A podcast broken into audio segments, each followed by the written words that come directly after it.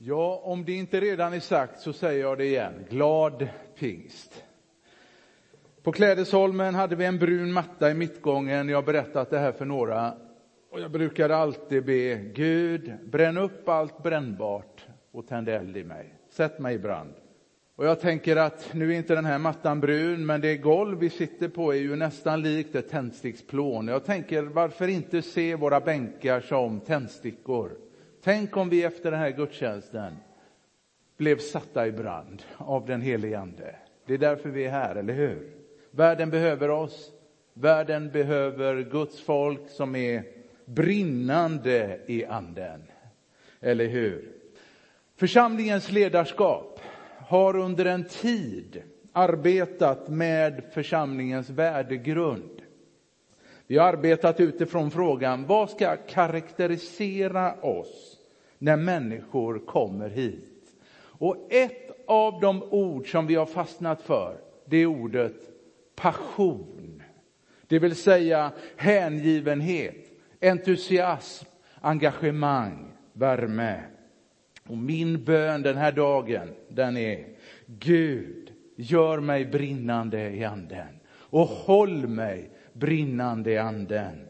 Och låt denna min församling kännetecknas av att vara brinnande i anden. Det, mina vänner, det behovet är större än någonsin.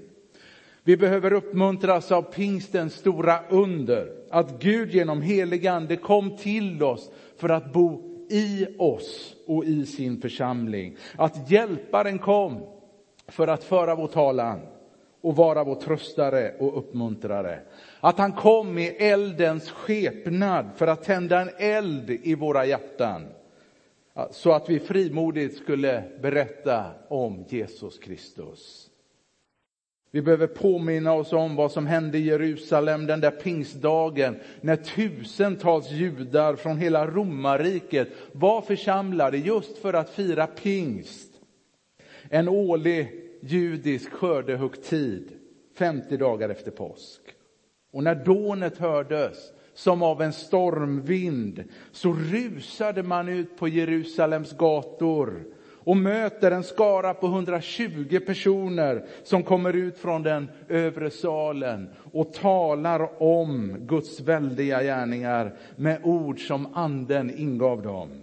Så att var och en kunde höra budskapet på sitt eget språk.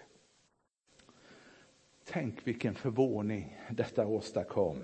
Hur kunde dessa enkla män och kvinnor från Galileen plötsligt tilltala dem på deras eget språk? Det var helt ofattbart. Och några försökte göra sig lustiga och säga, ja men de har ju druckit sig berusade på halvjäst vin. Och det var ju en ganska dålig förklaring, för jag förstår inte, hur kan alkohol hjälpa någon att tala flytande ett språk han förut inte kände till? Eller hur? Nej, det krävdes något mer än starkt sött vin för att få den tidige så rädde Petrus att stiga fram och inför folkhopen frimodigt predika evangeliet om Jesus Kristus. Och så knyter Petrus an till en profetia som profeten Joel hade uttalat, lyssna, 800 år före Kristus för att förklara vad som hade hänt. Och så kopplar han ihop händelsen på pingstdagen med det välkända dramat som hade utspelat sig i Jerusalem bara några veckor tidigare. Han säger, ni känner alla till Jesus från Nasaret. En man vars uppdrag Gud bekräftar inför er genom att låta honom utföra kraftgärningar, under och tecken mitt ibland er, som ni själva vet. Han utlämnades efter Guds beslut och plan och ni lät korsfästa honom. Men döden kunde inte behålla honom. Hans uppståndelse var förutsagd. Gud har låtit honom uppstå. Och det kan vi alla här vittna om.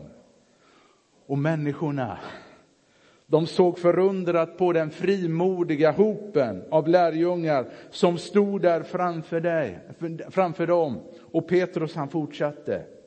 Gud har nu upphöjt Jesus och utgjutit den utlovade heliga anden som ni här ser och hör. Och ni ska vara fast förvissade om att den Jesus som ni har korsfäst, honom har Gud gjort till Herre och Messias. Och reaktionen på Petrus predikan, den lät inte vänta på sig. Folket i Jerusalem känner sig träffade i hjärtat, både av sanningen i det som förkunnades, men också i kraften med vilket budskapet bars fram. För Petrus, han var brinnande i anden. Det hände någonting den dagen i Jerusalem som starkt skulle påverka hela den mänskliga historien, som vi är en frukt utav. Det var ingen politisk ideologi som presenterades eller ens en religiös filosofi som förmedlades. Det var utmaningen att tro på Jesus Kristus till sina synders förlåtelse och göra denne Jesus till Herre i sitt liv. Och som bekräftelse på att låta döpa sig i Jesu Kristi namn få ta del av den helige ande som denna morgon hade omskakat hela staden. Alltså det var ju någonting helt uppenbart. Att något övernaturligt var på gång. Och det handlade inte om ett tillfälligt känslosvall. Petrus förkunnelse var fylld utav vördnad och allvar. Det var en rak, enkel förkunnelse om den Jesus som bara några veckor tidigare hade vandrat ibland dem. Jag tänker, hade pingstdagens upplevelse bara varit en tillfällig känslokick, ja då hade aldrig apostlagärningarna blivit skriven. Men pingstundret riktade sig till hela människan. Hennes känsla, hennes vilja, hennes förstånd och ett äventyr tog sin början som innebar ett helt nytt sätt att leva för den som döptes till Kristus. För vi läser, de som tog till sig hans ord lät döpa sig. Ett beslut som fick oanade följder och som endast kan tillskrivas den helige ande som verkligen blev, i och med omvändelsen, deras dyrbara egendom. Vad kännetecknar då detta nya liv? Ja, vi läser att de troget höll fast vid apostlarnas undervisning, det vill säga Jesu undervisning. Det var undervisning i den helige Andes kraft. Någon har sagt att predikan är teologi som brinner. Och teologi som inte kan brinna, den är inte fullständig. Det finns ju de som säger att predikan har spelat ut sin roll. Att människor är trötta på alla ord och istället vill orientera sig mot den andliga mystiken. Jag hör inte till dem. Däremot så kan jag känna medlidande med människor som suttit i kyrkor och genomlidit tråkiga, oengagerade predikningar. Men jag har svårt att tänka mig att behovet skulle vara mindre idag av andlig föda än då. Och jag tror att finns det en trötthet inför förkunnelsen så är det oss predikanter det är fel på, inte budskapet. För jag kan inte tänka mig att det mest revolutionerande budskap som människor äger av alla budskap kan få oss att somna om bara budbäraren själv är tänd av budskapet. Det finns en teolog, han är nu mera hemma hos Herren, han heter John Stott och han berättar i en av sina böcker om en församlingsledning som skulle intervjua en blivande pastorskandidat. Och den unge mannen han var lite blyg och han sa om sig själv, ja jag kanske inte är den där personen som kan få Themsen att brinna, alltså röra om i en stad. Men så frågar en av församlingsledarna, jag är inte intresserad om du kan få Themsen att brinna. Vad jag vill veta är att om jag håller dig i nackskinnet och doppar ner dig i Themsen, fräser det omkring dig då? Alltså med andra ord, var den unge mannen själv brinnande. Alltså där både budskapet och budbäraren brinner, där går ingen oberörd förbi. Vi läser i evangelierna om att människor flockades runt Jesus. Varför då? Jo, för han undervisade med makt och myndighet och inte som deras skriftlärda. De som vid ett tillfälle var utsända för att gripa Jesus, de kom tillbaka med orden, aldrig någonsin har en människa talat som han. Alltså det är den förkunnelse som Jesus lade i lärjungarnas händer när han sa till dem och gav dem uppdraget att gå ut i hela världen och gör alla folk till lärjungar och döp dem och lyssna, lär dem att hålla de bud jag gett dem. Alltså jag tror inte på nedtoning utav biblisk förkunnelse. Tvärtom. Jag tror fortfarande att det är den heliga andes främsta sätt att verka. Annars hade jag inte stått här. Tänk om det är bristen på engagerad, inspirerad och genomtänkt biblisk förkunnelse som har skapat ett vakuum som inget annat kan möta. Människan är hungrig, hennes själ törstar, men hon vet inte riktigt efter vad. Men när hon hör Guds ord kan hon identifiera sin hunger. Det blir en sorts aha-upplevelse. Det där vill jag höra mer av. En längtan uppstår. Och när apostlagärningarna beskriver församlingens utveckling och tillväxt så sker det genom orden. Ordet hade framgång. Guds ord vann spridning och antalet lärjungar steg kraftigt. Fascinerande beskrivning. Det var inte människor som tillskrevs framgången. Det var Guds ord. Tänk så annorlunda från andliga skeenden idag där nästan predikanterna tillskrivs större betydelse än vad de predikar. Vi läser vidare. De höll troget fast vid gemenskapen. Alltså tron var inte bara teori, det var praktik. Det fick konsekvenser för hela livet.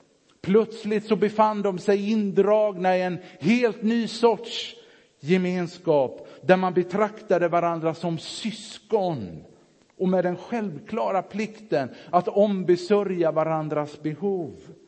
Man gick så långt så att man betraktade allt man ägde som en tillgång för församlingen och framförallt de fattiga i församlingen. För man delade ut åt alla efter var och ens behov. Och det var ingenting man kände sig tvingad till. Det skedde helt frivilligt. Och det var just denna praktiska kärlek som gjorde så starkt intryck på omgivningen. Att det står om dem att de var omtyckta av hela folket. Kanske var det en av de främsta anledningarna till att nya människor varje dag kom till tro och förenades med församlingen. Församlingen var så brinnande i anden att värmen spred sig vida omkring. Det finns en tidig författare som skriver om de kristna att de älskar varandra redan innan de känner varandra. Generositeten i församlingen levde vidare hundra år efter Kristus. Någon säger de älskar varandra. Om de ser en främling så tar de honom under sitt tak och glädjer sig över honom, för de kallar sig bröder, inte efter köttet utan efter Guds ande. Om det finns någon som är hungrig och behövande och de inte har något över att ge, ja, då fastar de två eller tre dagar för att kunna förse den hungrige med nödvändig mat. Wow. Alltså förstår vi vilken tillgång vårt sociala arbete är? Alltså den praktiska omsorgen om de som far illa är fortfarande vårt gudagivna ansvar. Och jag vet inte, kanske har du som är här möjlighet att planera in en torsdag eftermiddag i veckan då vi har våran matutdelning och hjälpa till där. Eller kanske på second hand en lördag. Kom och sprid Kristi väldoft i Mölndal. Till sist står det också om de kristna, att de höll samman och möttes varje dag troget i templet. Och i hemmet bröt de brödet och höll måltid med varandra i jublig, jublande, uppriktig glädje. Alltså de möttes till måltidsgemenskap. De spenderade tid med varandra. Förstå vad de kände varandra, nästan utan och innan. Och varje måltid avslutades med det som vi ska göra här idag. De firade nattvard tillsammans. De bröt brödet som en påminnelse om att de blivit vänner med Gud genom Jesu försoningsdöd. Det var han som förenade dem. Nu var inte längre någon jude eller grek, man eller kvinna. Alla var de ett i Kristus. Wow. Och allt detta skedde i jublande, uppriktig glädje. Alltså det borde egentligen inte finnas någonting så motsägelsefullt som långtråkiga gudstjänster. Begravningar, det vet vi ju, de har ju sin tid och sin plats. Men om människor känner begravningsstämning på gudstjänster, ja men då är det ju någonting som inte stämmer. För andens frukter är kärlek, glädje och frid. Jag talar inte om en överdriven, tillgjord glädje. Nej, jag talar om uppriktig glädje, äkta glädje som vi, har rätt, som vi har rätt att känna i Herren och som låter gudstjänstbesökarna förstå att vi har tillgång till källor att dricka ur som släcker människans djupaste törst. Alltså faktum är att vi kristna har anledning att vara starkt entusiastiska och tända och brinnande. Det finns en sund, levande, attraktiv andlighet. Den ska vi längta efter. Den ska vi välkomna och odla i vår församling. Det finns en intressant berättelse i Gamla testamentet när profeten Saul precis har smort benjamiten Saul till kung. Då står det att med honom följde också en skara vars hjärtan Gud hade rört. Wow, vilken underbar beskrivning. Dessa stridsmän var lojala sin kung. Det var någonting särskilt med skaran av stridsmän kring Saul, vilkas hjärtan Gud hade rört. Det handlade om ett gudomligt inflytande som resulterade i en fast beslutsamhet att sluta upp vid kungens sida. Jag gillar den formuleringen. Det låter mig ana en skara män som var modiga därför att Gud hade rört vid deras hjärtan. Det är detta som den helige Ande vill göra med var och en av oss. Ni ska få kraft när den helige ande kommer över er. Det är samma sak. Dessa män var beredda att våga saker. Ja, kanske rent av offra sina liv för Guds och kungens skull. Det föder en längtan i mig att bli modig för Guds skull. Det handlar om att göra någonting, inte tvångsmässigt, utan för att Gud har rört vid ens hjärta. Man har blivit brinnande för Guds sak. Alltså Guds rike har i alla tider förts fram i onda och goda tider av människor vars hjärtan Gud har rört. Hur tror vi annars att denna lilla lärjungaskara för 2000 år sedan frimodigt kunde bidra till att vi idag sitter här? Om inte Gud hade rört vid deras hjärtan och suttit deras hjärtan i brand. Hur tänker vi att framtidens kyrka ens ska existera när inte vi längre har förmånen att betrampa den här jorden? Om inte Gud får röra vid våra hjärtan och sätta dem i brand. Kära vänner.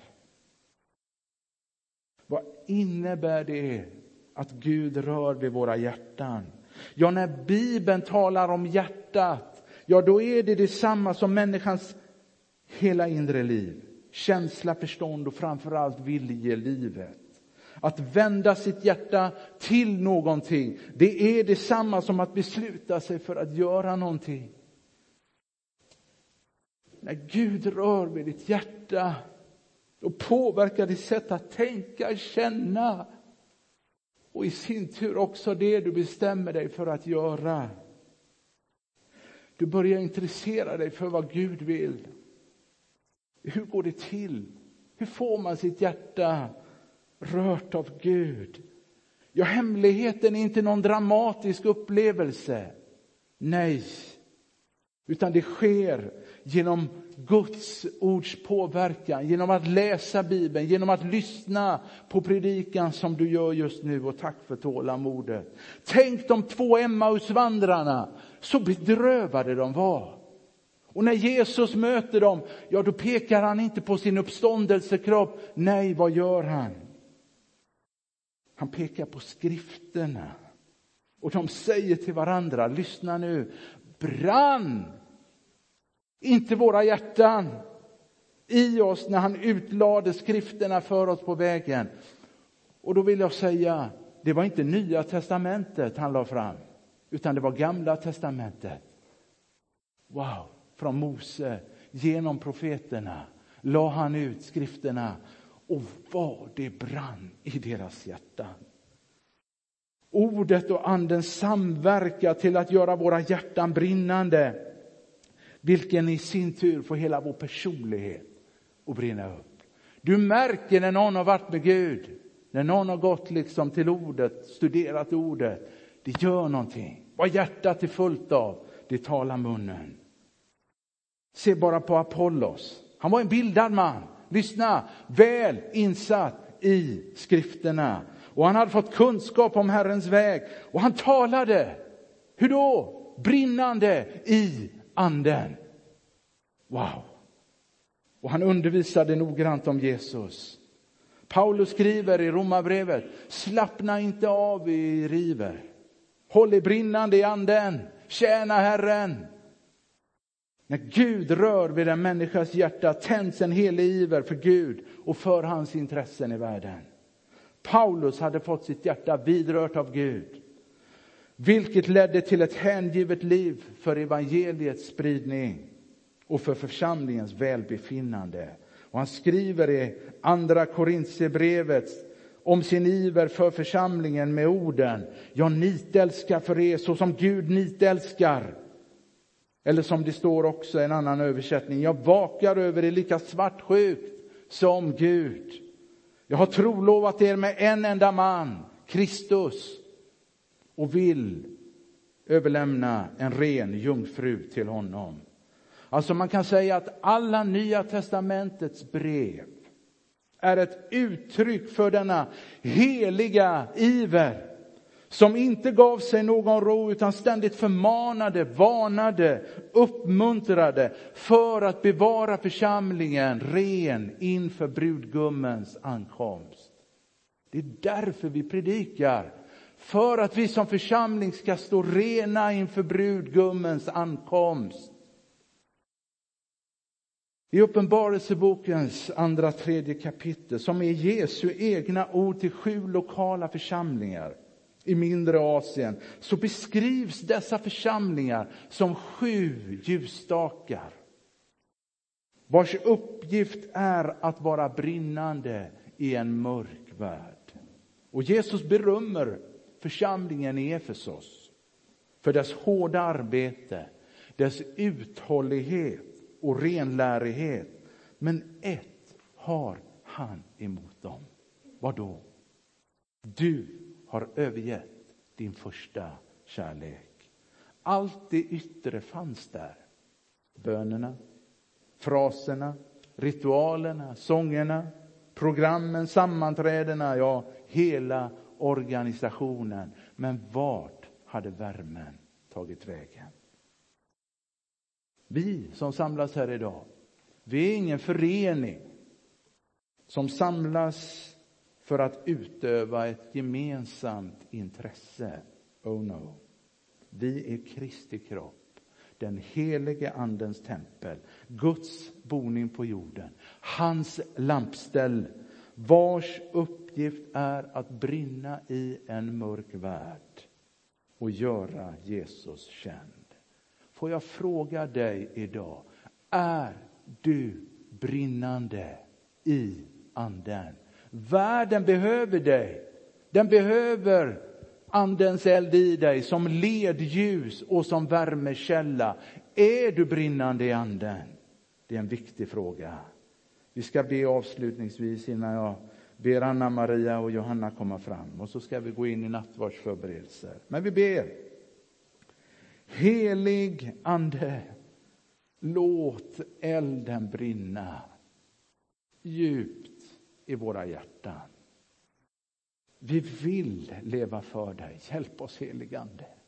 Och jag ber idag, sätt våra hjärtan i brand, inte bara ibland, utan Gud, att vi lever med denna Andens eld ständigt brinnande i oss. Herre, det kan ske idag. Där elden har falnat, Herre, det finns ju den här bilden, Gud, ibland använder ju predikanter den av kolbiten som har hamnat lite utanför elden. Och visst, det går bra till en tid. Man kan leva på det gamla som har varit, på minnen som har varit. Men med tiden så falnar ju även kolbiten. Och här är kanske någon här inne idag känner sig som kolbiten som sakta men säkert håller på att falna och svalna. Och jag ber idag Gud, gör det igen. Sätt våra hjärtan i brand, inte bara ibland. Herre, vi vill vara, Herre, dina vittnen, dina ljus i den här mörka världen. Och kanske är det för en tid som denna, Herre, som du, Herre, just har detta med oss igen, Herre, om att bli brinnande i anden. Amen.